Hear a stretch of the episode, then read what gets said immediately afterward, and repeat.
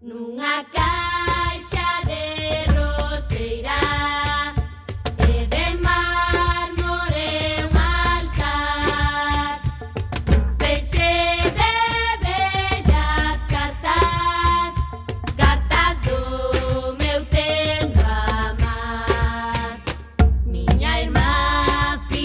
Ola, que tal, recendeiras e recendeiros?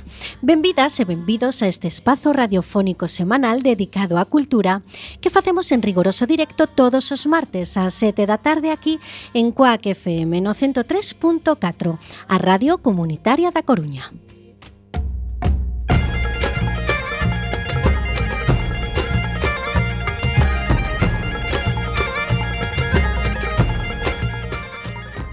A Agrupación Cultural Alexandre Bóveda presenta este programa que podes escoitar en directo a través de internet na páxina emisora coacfm.org barra directo e tamén na aplicación móvil.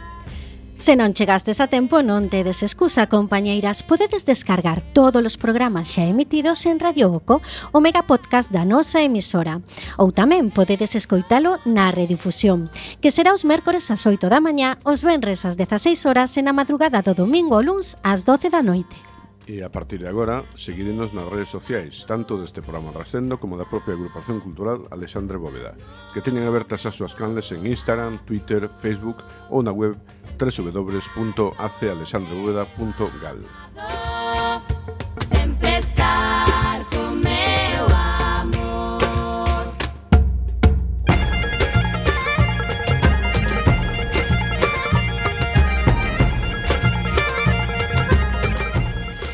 E xa sen máis, imos caraló na procura, na procura desta fantástica aventura cultural con Roberto Catoira no control técnico e falándolles coa, alma, coa almanteira Roberto Catoira tamén e Diana López. Amador.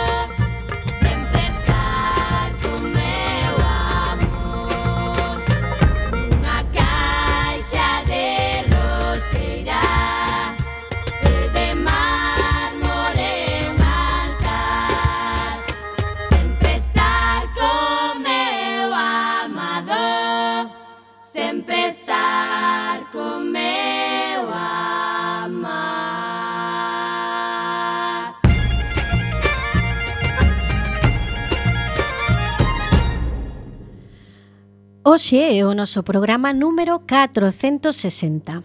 E estará connosco Estivaliz Espinosa, escritora, cantante, comunicadora científica e astrónoma afeccionada. Falaremos das actividades da nosa agrupación e das outras cousas que se fan na Coruña e na Galiza e que tamén son cultura.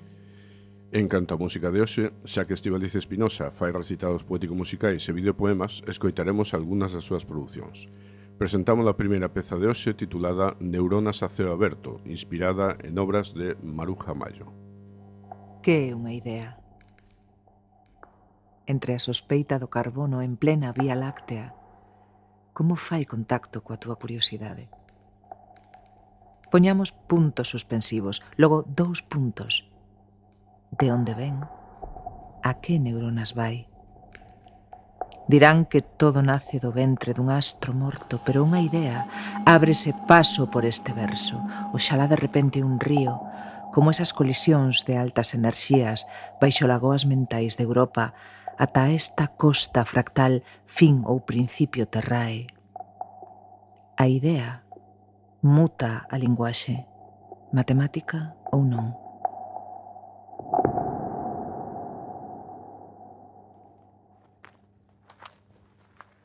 Ven bailar eureka comigo o iris negro da singularidade. Ao punto azul pálido e apunta dar coa idea igual a dar coa palabra. Espiral logarítmica, zoom dunha galaxia ao teu puño. Estamos a vernos, escribirnos, cantarnos dende fora. Unha cabeza universal de negra orbítanos dende 1946. Perplexo, nai primeira, corpo que levita, corpus negra. Non concibe outra rebelión que non sexa a da mente.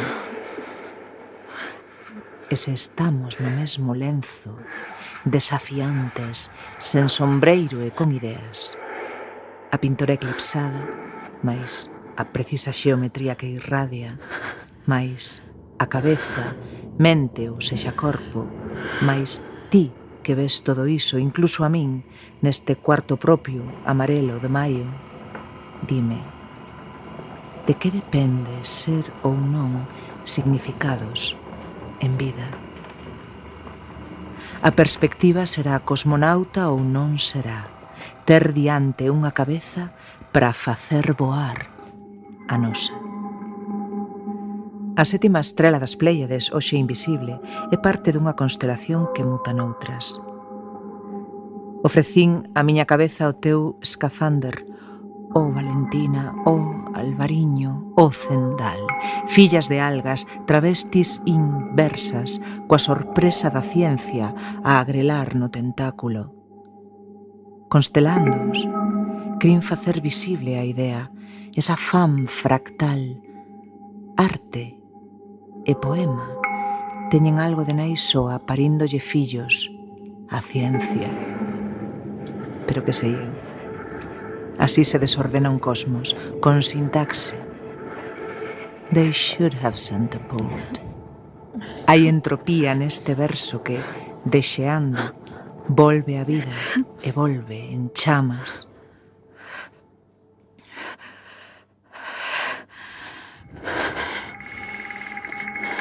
E se estamos na mesma páxina, na mesma interface, ti, biface lendo isto e a vez que o escribe, don toute le langue that emigrate, que tal pasarmos páxina?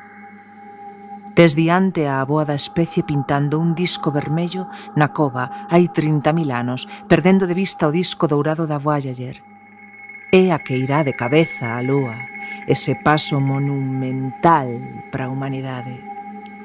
Desdiante un ramo vermello, un puñal de antenas, castros e ouros contidos nunha man sapiens e a man de robot que aloumiñará o teu avó. O home infindo da etiqueta de Mondariz, bebendo auga fresca en dedos de perobsquiña. Hai pasos violentos entre unha estrela e outra, como entre unha idea e outra mellor.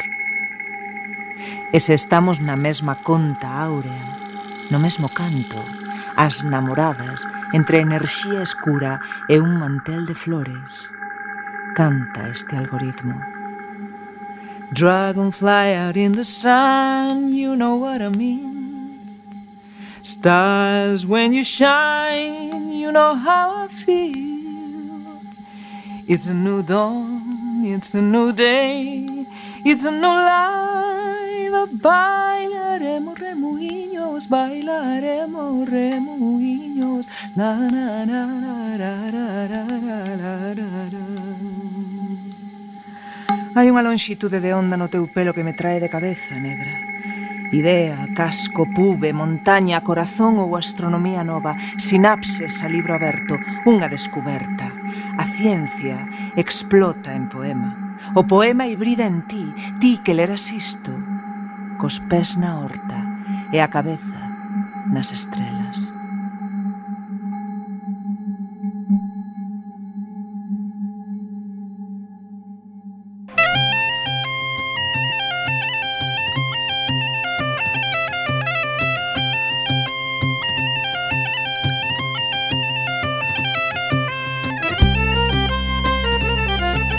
De principiamos pola axenda da nosa Asociación Cultural Alexandre Bóveda. Comezamos polo xoves 22, onde acollemos a presentación de Ao sur da liberdade, a primeira obra de ficción de Xosé Enrique Costas, catedrático de Filoloxía Galega na Universidade de Vigo. A vida do personaxe histórico, o caudillo Muladí Muhammad Im Marwan al-Galiki, Alcumado o galego dá pé a un relato que en forma de novela debuxa un panorama do medievo peninsular que desafía os tópicos da historiografía. Será ás 19.30 horas no noso local. O vendres 23, ese é o día no que se conmemora o nacemento de Rosario de Castro e varios colexos concertados da cidade, eh, como os escolapios e os franciscanos, festexan esta efeméride un ano máis cun maratón de lectura da súa obra poética en galego. Será dende as 16.45 aproximadamente atas 19 horas no noso local da Rúa Santo André 36, primeiro andar. E tamén ese mesmo venres, case ao mesmo tempo, a Asociación de Escritoras e Escritores de Galiza e a Asociación Cultural Alexandre Bóveda festexan esta efeméride un ano máis coa lectura pública da súa obra. Será diante do Teatro Rosalía de Castro a partir das 17 horas. Non é preciso inscribirse para asistir, máis si para as persoas que queiran recitar poemas ou ler algún texto. O sábado 24, a Asociación de Medios en Galego realiza un roteiro xornalístico pola Coruña para celebrar o Día dos Medios en Galego 2024, no que visitaremos lugares emblemáticos relacionados coa historia e actualidade da prensa en galego. Guía Roteiro Xurxo Souto e falarán nas diferentes paradas do percorrido Ubaldo Cerqueiro, do Xornal da Coruña, Xosé Manuel Pereiro de Luces de Galiza, Xoan Costa de Nos Diario, María Xosé Bravo e Carmela Galego, da Agrupación Cultural de Sandra Bóveda e Tomás Legido, de Coac FM, ademais de alguna que outra sorpresa. A saída é ás 12 da mañá do campo de Marte e a duración do roteiro estimase en unha hora e media. Non é necesario inscribirse. O luns 26 presentamos o último libro de Ana Cabaleiro titulado xa veremos Palmeiras, co que gañou o primeiro premio Exeria de Creación Literaria convocado polo Concello de Santiago e a Residencia Literaria 1863, en colaboración co Consulado Xeral de España en Xerusalén. Será ás 19.30 horas no noso local.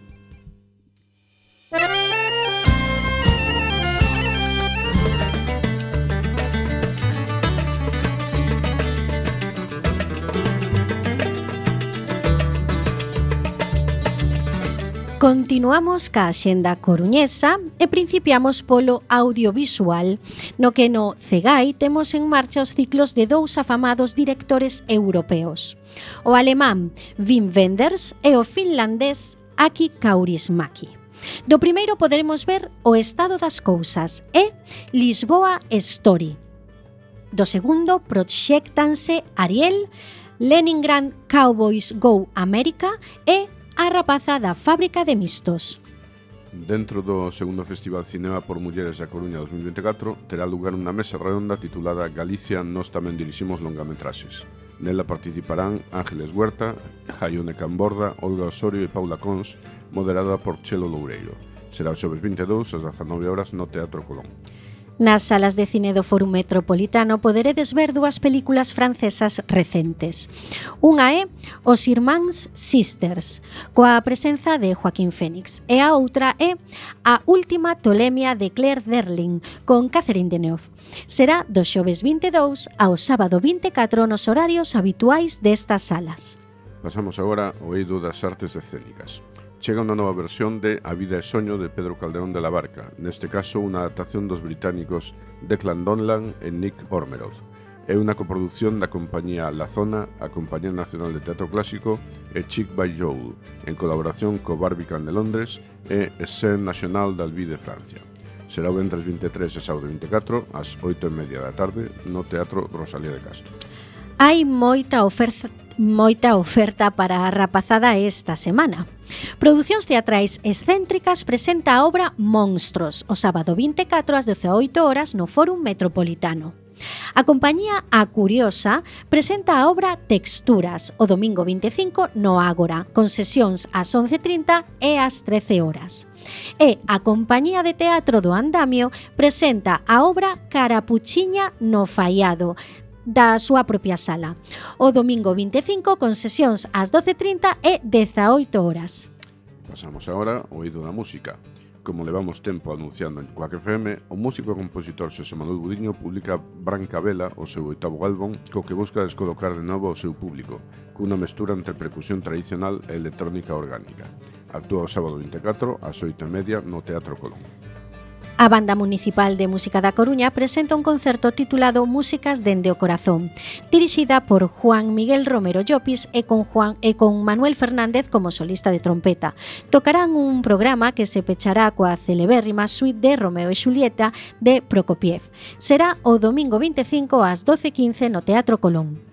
Como xa saberedes todos, Ana Malikian é un violinista armenio-libanés con nacionalidade española residente en España. Debido á cercanía ven por aquí con certa frecuencia e a seguinte quenda é o domingo 25 ás 9 da noite no Pazo da Ópera. E na poesía, despois da recente visita de Yolanda Castaño, estamos encantados de anunciar unha nova cita do ciclo Poetas de Inversos. Neste caso será a quenda de escoitar os recitados da Valencia Berta García Faet, gañadora do Premio Nacional de Poesía Nova. Miguel Hernández e o lugués de Escairón Adrián Maceda. Será o luns 26 ás 20 horas no Ágora.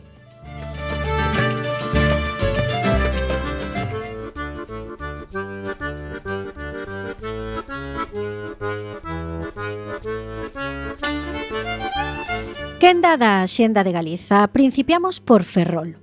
Sofá é unha sitcom de danza, teatro e circo que fala dunha parella formada por Marta e Pablo, porque o sofá é o lugar onde se atopan as parellas ao final do día para estar xuntas, ver unha peli ou descansar.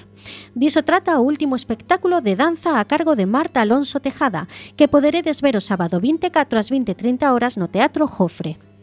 Imos agora a Lugo. O equipo de Cultura Activa Sociedade Cooperativa Galega, Fina Calleja e Paula Carballeira asumiron con ilusión respecto e certa responsabilidade levar as tábuas do teatro infantil a figura de Alfonso Rodríguez Castelao, posiblemente o maior referente cultural do noso país. Podedes vela o domingo 25 ás 6 e media tarde no Auditorio Municipal Gustavo Freire. En Ourense, a compañía Sarabela Teatro ofrece un espectáculo teatral para público infantil titulado O Dragón de Ouro, ambientado nun restaurante asiática de comida rápida de algún lugar de Europa, co que se intercala a fábula da cigarra e a formiga. Será no teatro principal en diferentes horarios do Benres 23 e sábado 24. Imos agora a Pontevedra, Boa Vila. Segue de xira a compañía Talía Teatro coa obra Unha inimiga do povo, de Hendrik Ibsen, que non perdeu a actualidade a pesar de ser escrita hai 140 anos. Actúan os xoves 22, ás 9 da noite, no Teatro Principal. En Santiago, Xenebras é un grupo de indie pop formado por catro mulleres de diferentes procedencias, galega, alicantina, madrileña e canaria. Presentan o seu segundo disco titulado eh, Quen é Billy Max? Será o Benres 23 ás 22 horas na Sala Capitol. Eh, Agora imos a Vigo, o ilusionista Pedro Volta, despois de realizar unha nova xira do Galicia Magic Fest, presenta o seu novo espectáculo titulado Ilusionante verás unha marcha ultramoderna e emocionante inspirada en series e películas como A Casa de Papel, Regreso ao Futuro, Os Cazafantasmas ou Mandalorian. Será o vendres 23 ás 20 horas no Auditorio Municipal.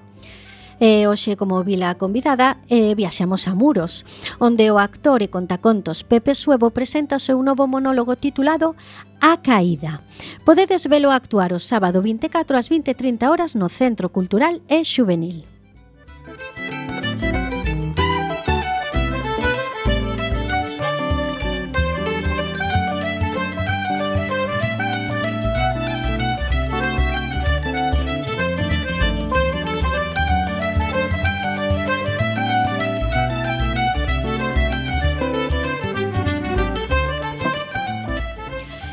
Despois dun pequeno parón por mor do entroido, recendo volta ao ataque.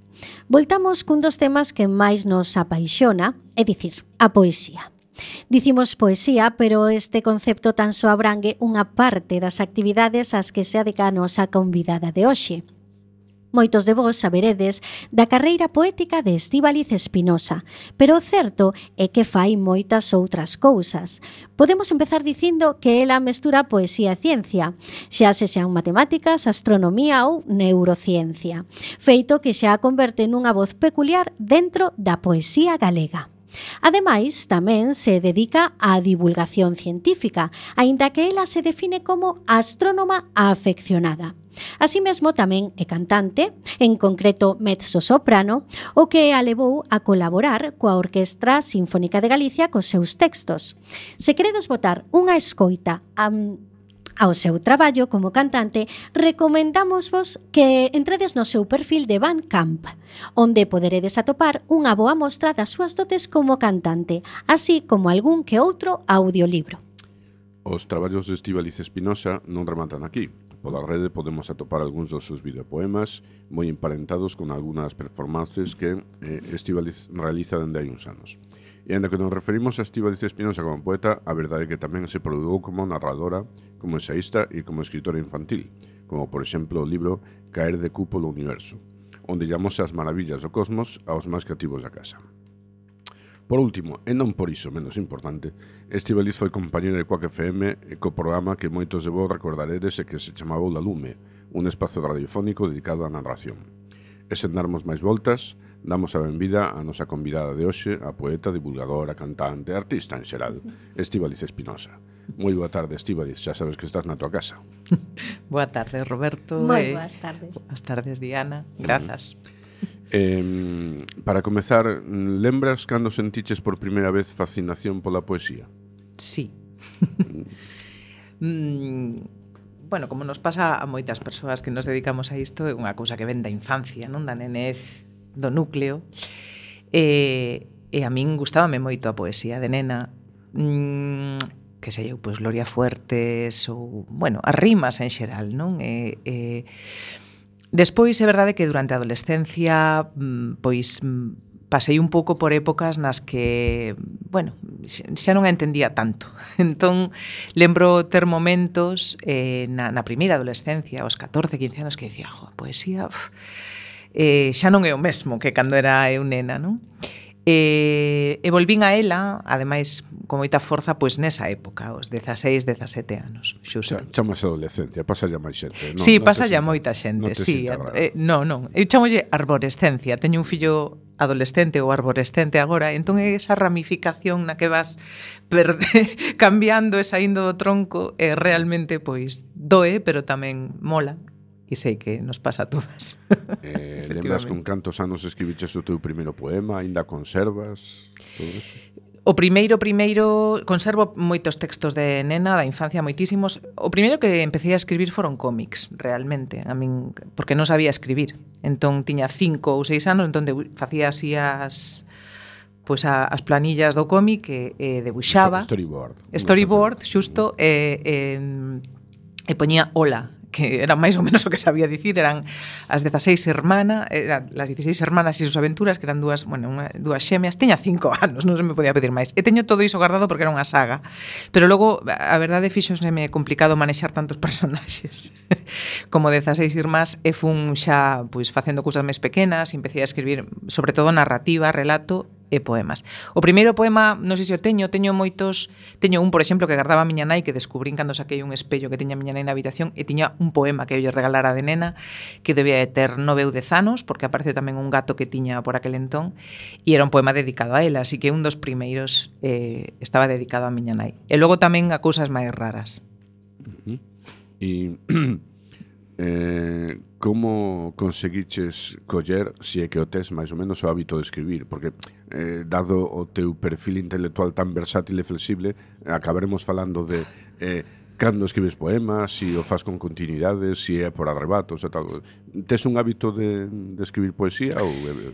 Sí, teño, teño hábito de sentarme eh, escribir, sentarme no tallo, eh, facer como, bueno, pues como toda a xente que traballa, pues non sei, como costureira ou como quen fai como unha redeira ou como ti, ti sentaste. Logo que vayas a ir ben a cousa, xa non se sabe, pero a disciplina de escribir hai que tela, ademais algo que necesito, e se non é escribir un poema, pois é escribir algo en redes sociais ou é escribir un texto, pois non sei, un proxecto, por exemplo, porque fago tamén proxectos eh, que mesturan literatura e ciencia para a cidade da Coruña, levo facendo moitos anos, eh, que empecé coas axudas de Xerminal, bueno, son sempre pois, as axudas non que, que convoca o propio Concello, e, eh, eh, bueno, levo facendo xa varias cousas, entón tamén redactar iso para min é parte de escribir, escribir e logo tamén escribir eh, narrativa e ensayo.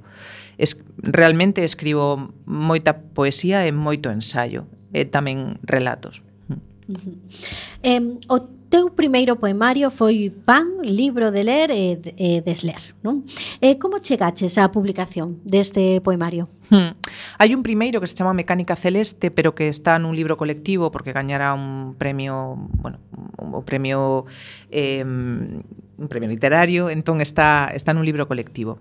Pero Pan Libro de Ler e Desler eh, foi o primeiro libro individual. Eh, como cheguei a escribilo ou como cheguei a publicalo, me dis? O... Sí, como chegaches a esa publicación? A publicación, eu escribí un poemario eh, pois lembro que era alrededor dos anos 96 97, estivo así un tempo guardado, bueno, eu realmente escribira moitos máis poemarios antes. Escribín, empecé a escribir na adolescencia, como, como che, che comentara antes ao compañeiro Roberto, entón teño moitos poemarios da adolescencia, non? Uh -huh. eh, que nunca saíron. Eu empecé, e isto para min é importante, escribindo en castelán, eu son castelán falante uh -huh. de, de, de orixe, eh, crieime nunha zona na que non se escoitaba o galego en, en moitos mm, kilómetros a redonda, eh, no centro da Coruña, eh, entón era moi complicado eh, escoitar galego e ter referencias de galego, porque ademais, bueno, por cuestións familiares os meus avós emigraran a Cuba, entón deixaron de falar galego, e na miña casa a miña nai falaba galego, pero moi poucas palabras, non? Ou seja, moi pouco as expresións, non?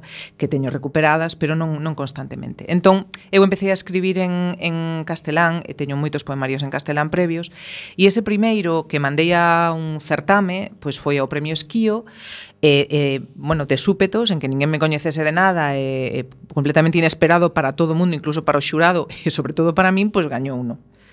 Entón ese, ese primeiro premio levaba aparellada a publicación do libro, que se publicou uns meses despois. En realidad o premio gañou foi en 1999 e publicouse no ano seguinte, non en 2000. Entón, esa foi a historia desa primeira publicación que foi bastante sorprendente. E como lembras ese sentimento ao ver publicada a túa obra? Mm, a ver, son unha persoa bastante mm, perfeccionista eh, enfermizamente perfeccionista, diría eu case.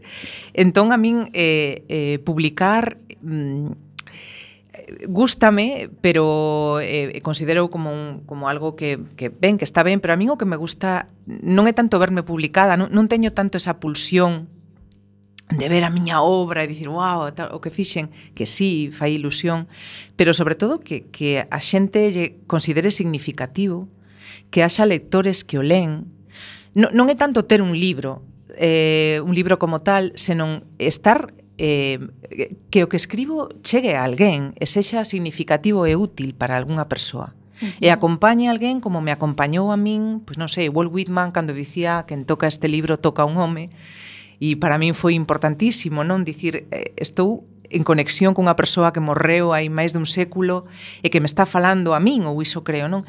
Eh, entón, chegar a esa, a esa conexión que é unha, unha das ilusións da literatura, non? A de, a de violar ou transgreder o espazo-tempo da física, eh, pois é a min o que verdadeiramente me conmove. Ver a obra publicada tamén, pero durante un tempo tiven, a verdade, certas reticencias e tiven... Eh, bueno, pois certas, sí, reticencias a, a publicar demasiado. Vexo como que hai unha especie de pois de mm, protocolo, non? Hai que seguir un sota cabalo rei, ti tes que empezar publicando cun premio, logo seguir publicando cada ano, publicar cada ano aínda que non sexa moi significativo que estás publicando, facer unha antoloxía dos teus propios poemas, e terei que facer como unha serie de que che traduzan a outra lingua, que che traduzan ao castelán, que che traduzan ao inglés, hai que seguir como unha serie de patróns que a mí non me interesaban demasiado. Primeiro, por unha cuestión de que, no, de que me dá verdadeira dor ver libros abandonados eh, en sotos e en almacéns que ninguén vai vender en ningunha libraría ou ninguén vai ler nunca. Gústame que, que a xente lea e, e, e que se podo chegar a alguén porque abre un día un libro, como me pasou a min con Clarice Lispector, por exemplo, non un día que abres un libro de casualidade e dis, "Buah, que que non sei que que treboada acaba de sair deste libro que me acaba de deixar peiteada para atrás, ou acabame de xear o sangue ou de dar un golpe no cráneo, non, como dicía Emily Dickinson. Uh -huh. Pois se podo lograr iso e despois se alguén compra os libros e eu podo vivir diso, claro, mellor que mellor porque é unha das cousas das que vivo, e que vivo da literatura. Entón, hai moitos anos. Entón, mellor, claro, pero o que me move é algo máis fondo que iso o de chegar así a xente. Claro, o que pasa é que iso eh, é un pouco complicado de, de, de ver. Sí, hai xente que se te achega e chodí eh, e despois Claro, están as cifras de vendas, pero as cifras claro. de vendas non reflicten o que a xente lé, senón o que a xente merca. Uh -huh. E é moi distinto. Está, a industria cultural, a industria literaria é unha industria, un mercado. Entón, eu eh, como teño así reticencias con certos temas de capitalismo de mercado, eh, certas suspicacias, non diría, pois eh, non sabemos realmente se os libros que compra a xente realmente se len despois, non? Eu o que quero é ser significativa para outros seres humanos no tempo, no espazo-tempo que me toca vivir ou no futuro. No pasado xa non pode ser. E se podo conmover alguén con iso, para min eh, xa sei que é moi bonito dicir isto, non? E logo de que como, porque este é o gran problema de que comemos, non? Non, non vivo de conectarme só coa xente, de ser significativa para as persoas, pero no fondo é o que a min me conmove eh, ver a obra, a obra publicada sí, pero, bueno, sempre teño, bueno, a ver, aquí hai unha errata, isto tería o feito mellor.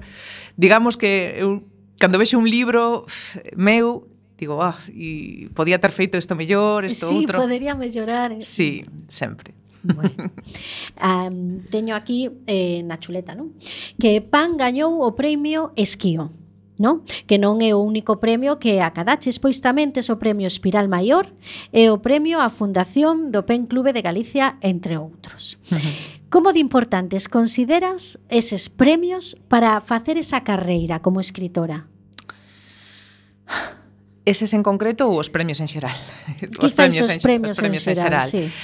A ver, eses premios si sí, foron os que deron a coñecer, si sí, me deron a coñecer e eh, Pero despois realmente, a ver, en Galicia mm, temos un sistema literario mm, pois eh, creo que moi forte, pero que nos coñecemos prácticamente todos, non?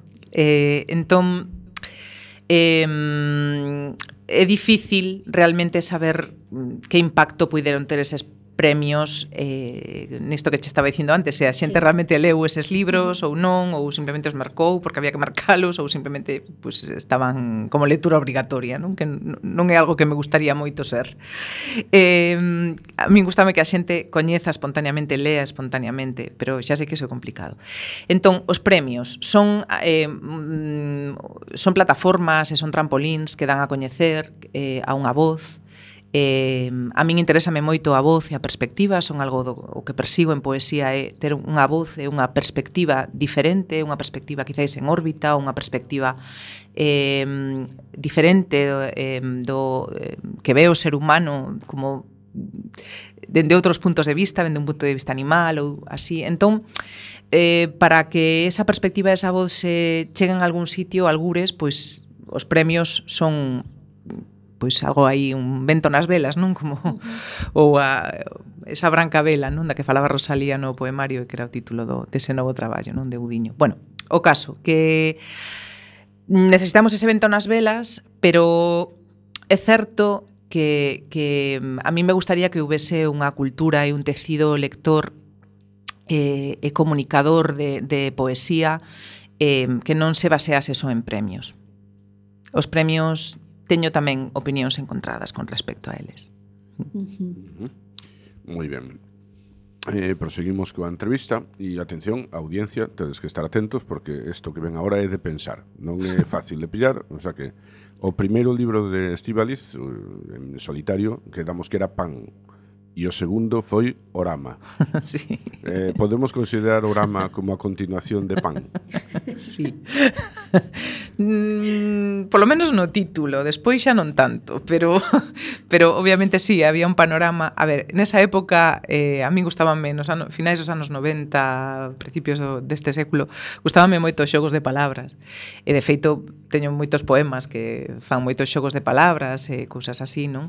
Non era o único que me interesaba, pero eh, temáticamente Pan e orama non, non están tan conectados, máis que, bueno, pues que están escritos máis ou menos nunha época parecida eh, pero falan de cousas máis diferentes. Non? orama eh, prof, a, afonda máis e profundiza máis no punto de vista, na perspectiva e, de feito, pois eh, traballa un pouco co, co xeito de mirármonos a nos mesmos e a nosa identidade. Non? Uh -huh. eh, interesante tema ese que acabas de abrir porque era xustamente por onde íbamos ir nós. Como é a evolución dos temas dos teus poemas ao longo da túa trayectoria?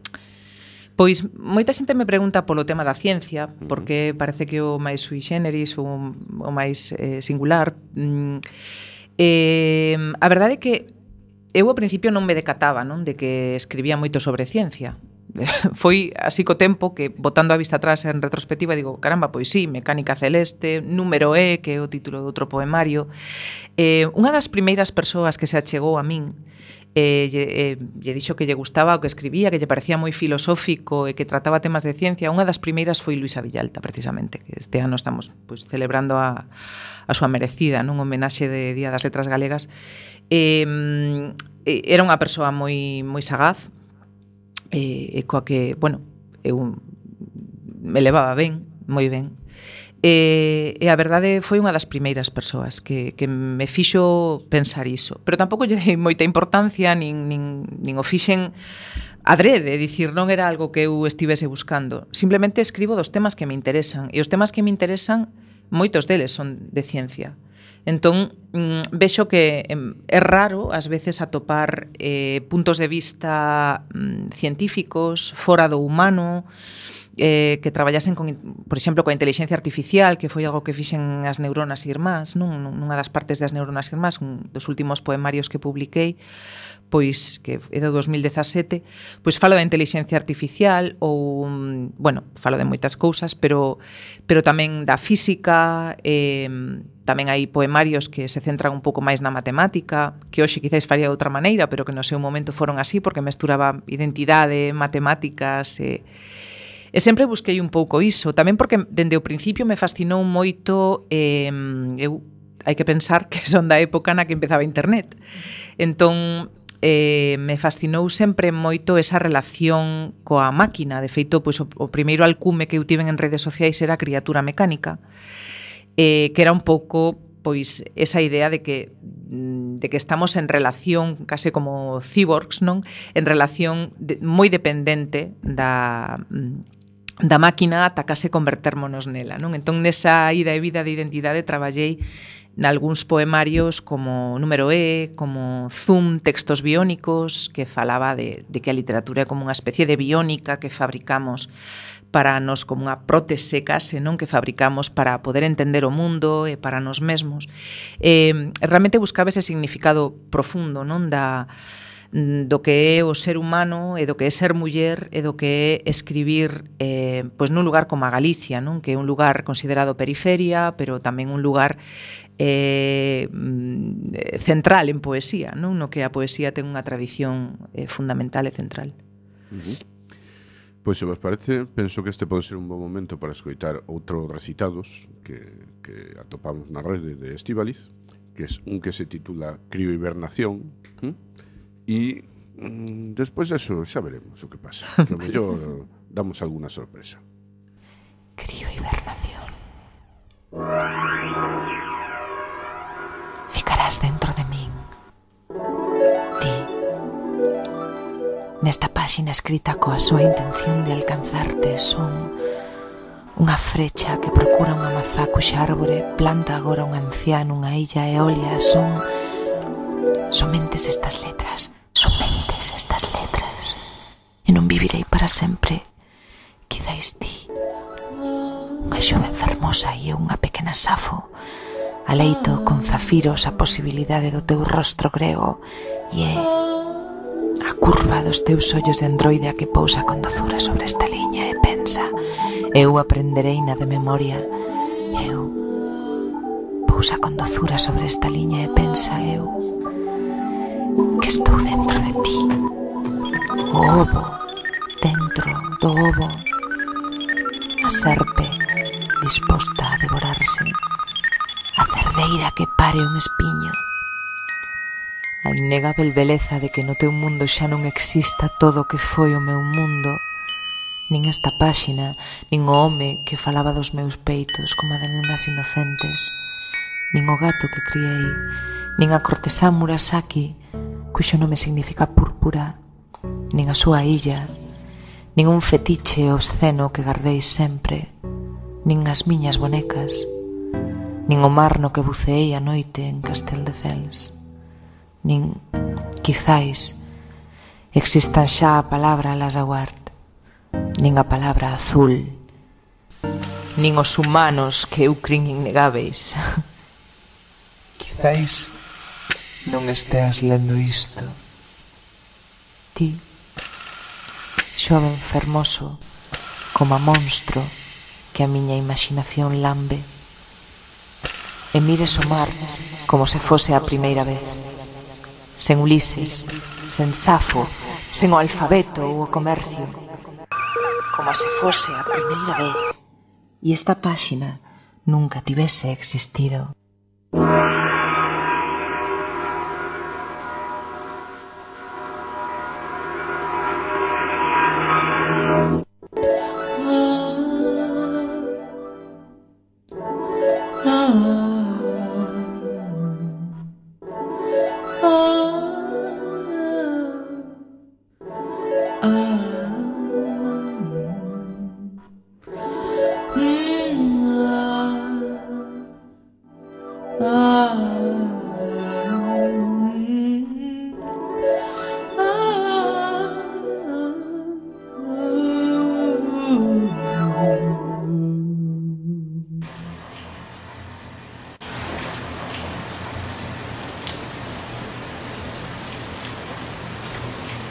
E continuamos aquí en Recendo en Coaque FM coa poeta Estivaliz Espinoza. Eh, estábamos eh, preguntándolle eh, acerca dese interese pola ciencia, eh, tanto en matemáticas como en astronomía. De onde ven ese interés? Mm, pois a verdade podo rastrexalo dende sempre porque mm, A ver, eu non son das que pensa que ciencias e letras sexan un camiño que na adolescencia temos que escoller e xa nunca máis, non?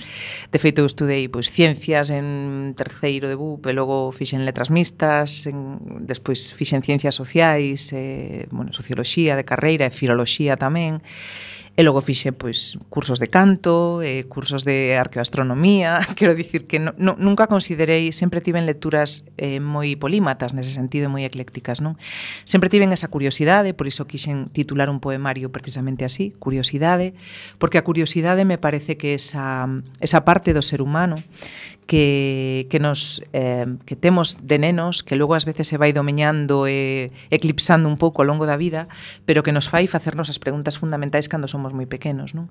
Somos curiosas por natureza, curiosas é o nome que puxen tamén a, a moitas destas eh, iniciativas que dirixín eh, pois, Curiosas na Lúa para a Deputación que foi Premio Luisa Villalta en 2018 ou eh, Coruña Curiosa ou...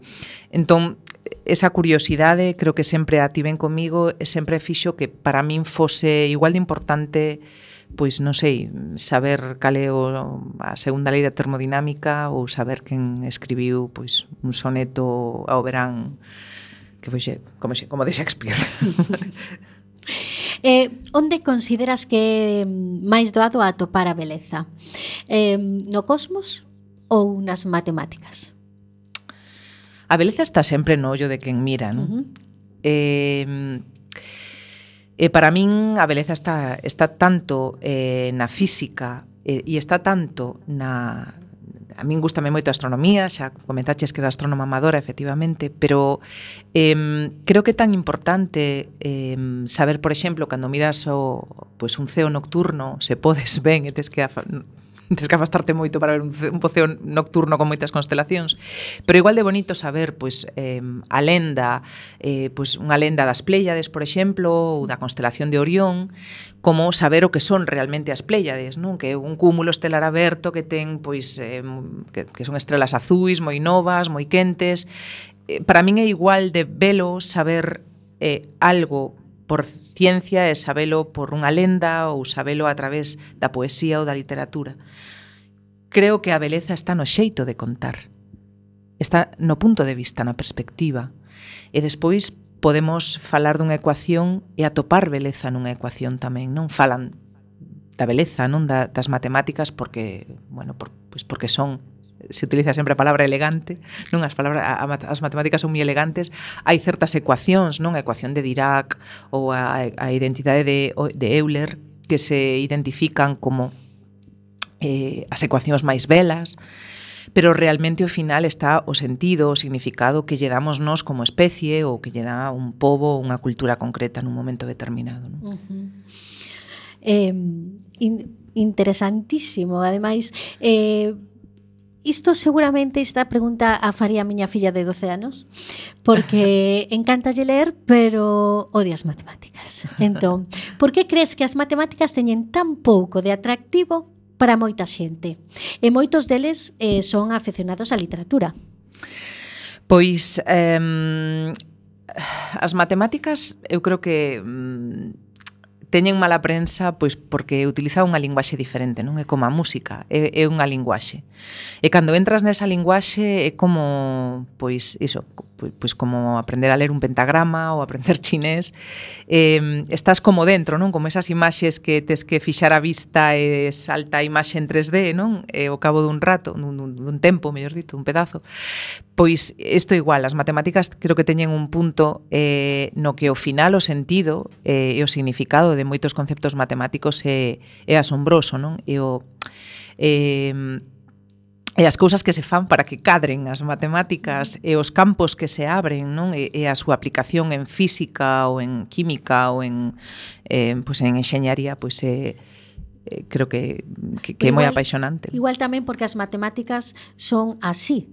O sea, non hai... Eh, Interpretación sí que hai. Non son sí, tan exactas. Para, para a imaginación. Así... claro, os fractais. Mira, eu fora unha charla, lembro, cando estaba acabando Socioloxía, que falaba de precisamente de que as ciencias exactas, ese mito das ciencias exactas non é tal, non? E falaba de fractais, por exemplo, de, lo, de lógica difusa, eh, fra, eh, falaba de certos conceptos que realmente as ciencias exactas tampouco son exactas, ne, simplemente teñen ese marchamo, non ese, ese epíteto, pero non, non é así. Eh, ao final hai unha reinterpretación e de feito as matemáticas van cambiando ao longo do tempo. É certo que hai cousas que son inamovibles, teñen un, os axiomas eh, pois son como inmutables, son eternos, pero tamén hai palabras que parecen eternas, non? Grazas, ou por favor, levan, levan con nos toda a historia da humanidade. Bueno, case toda, non? Entón, eh, creo que, que teñen esa mala fama, pero mm, eh, afondando un pouco son igualmente literarias e apaixonantes. Se nota a túa paixón e todo niso. Eh, a ver, eh, sigamos abrindo melóns por aquí de todo tipo, ademais moi moi moi versátiles. Hai que abrir melóns, eh, partir xeos, eh, senón eh, para que se escribe. como dixemos antes, filoloxía e socioloxía. Sí. Eh, na túa obra está moi presente, na túa obra poética está moi presente a física e as matemáticas. Uh -huh. eh, faz divulgación científica. Bueno, como... non, non me chamaría divulgadora. Bueno, pero como, como mesturas todo iso? Que, como... Como mesturo Por, todo iso? Porque eh, o que pode sair de aí pode ser absolutamente maravilloso. É decir, tendo en conta que a sociedade está moi compartimentada en que, non, non, que somos de ciencias, facemos eso e non sabemos nada. Sí, é certo. Eh, ti parece que conseguiche salvar esa barreira. Eh, que, que non sei se o conseguín, pero mm, oxalá, e eh, grazas, oxalá que, que o consiga. Eh, realmente mm, creo que que esa, es, efectivamente, como dis, barreira é ilusoria, eh, as persoas pensan que son de ciencias e xa para sempre non lles vai interesar nunca un poema e as persoas creen que son de letras e xa nunca van poder facer a contada cea porque que, que afago de ciencias ou a de ciencias. Pero eso, eses nesgos tamén nos levan a nesgos máis preocupantes, non? Como, por exemplo, pois que as matemáticas non son para nenas, eh, nin as enxeñarías, eh, teñen que estudar pois ciencias que sexan de coidados ou de biomedicina ou de saúde ou senón cousas de humanidades e eh, as ciencias son para rapaces. Entón, ese tipo de nesgos son moi perigosos porque xa eh, son estereotipos completamente infundados que nos levan a pois pois a que non exista unha representación eh, paritaria, que non existan referentes eh, en ambos campos.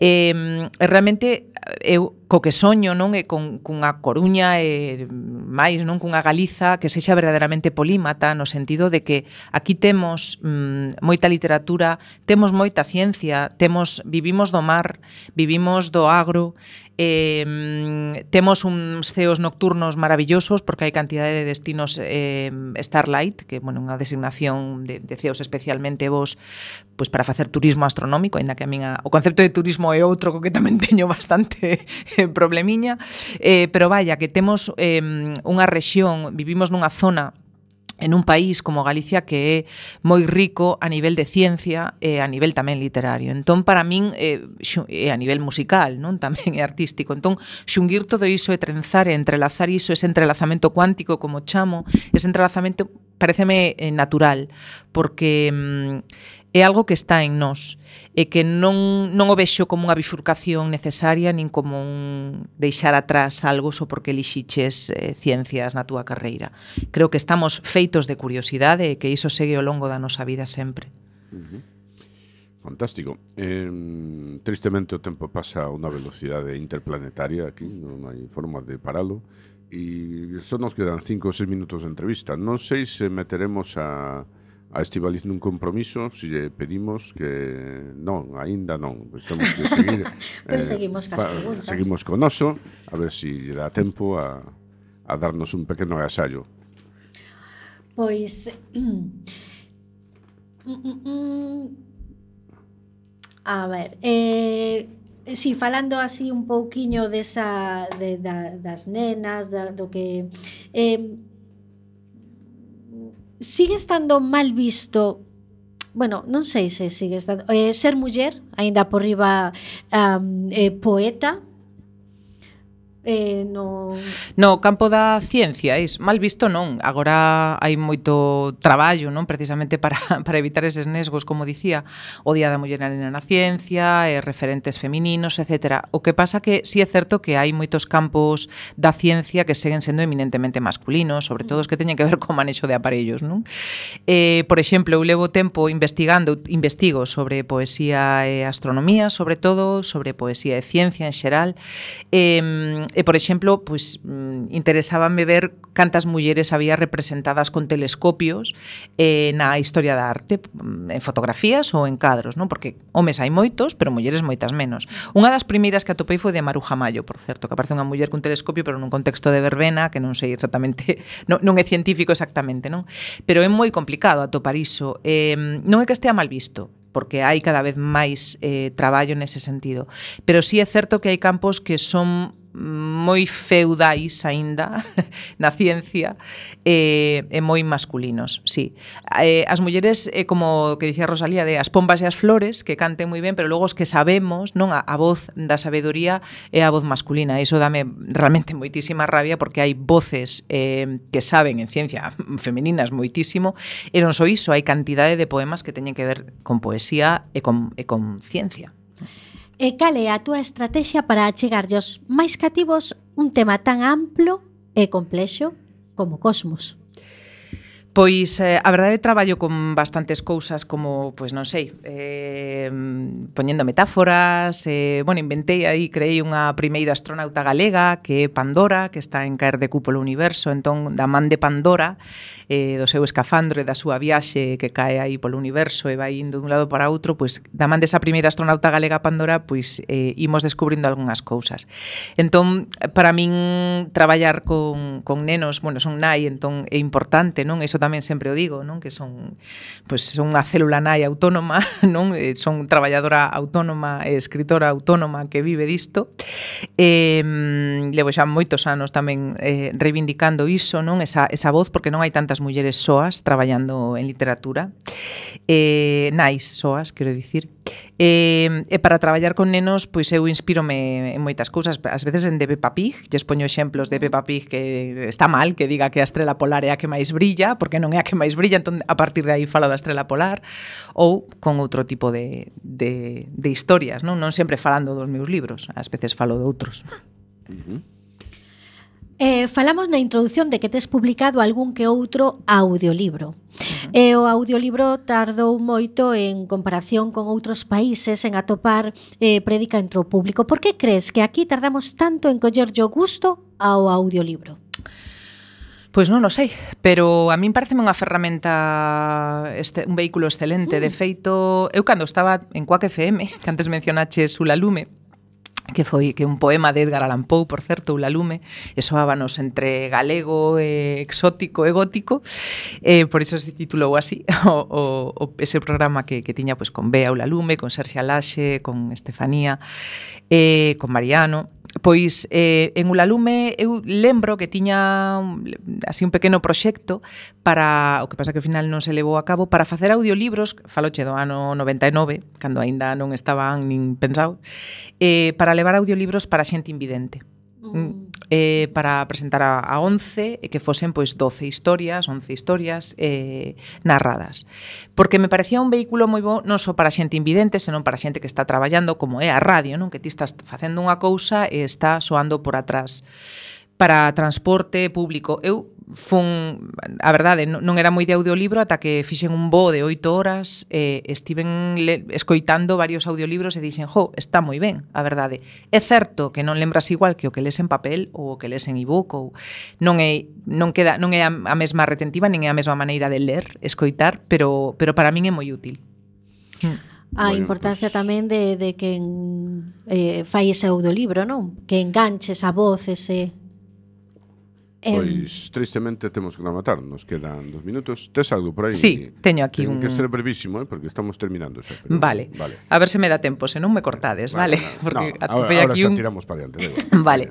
Están as neuronas irmás, eh, bueno, eh, a contra a favor in vitro. Contra o decreto alleo sobre un útero de sete kilos. A favor do amor entendido daquela maneira contra o uso racional do tempo, a favor do drástico e non se sabe que. Contra a intelixencia que impón a lei social a favor desa enerxía escura aposta á lei da gravidade.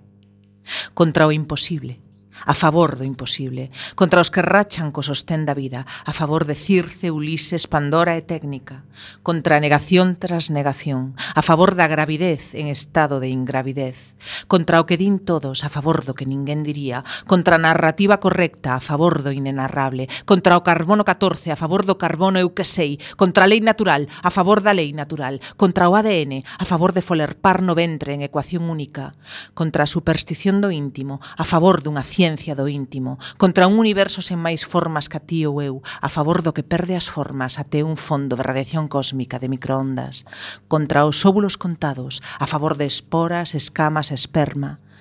Unha muller soa, decidida a levarse adiante soa, embarázase neste momento, chea do amor máis escuro do mundo. Diana, creo que xa tocamos teito. Xa, podemos retirarnos. Un placer, Estivali. Un placer para min, grazas Diana e Roberto. E recendos. E sen tempo para máis odiseas imos chegando a fin do camiño deste recendo. Despedimos o programa de hoxe agradecendo a nosa convidada que, como sempre, é de honra, Estíbaliz Espinosa. E agradecendo semente, pedra angular de todo, o noso comando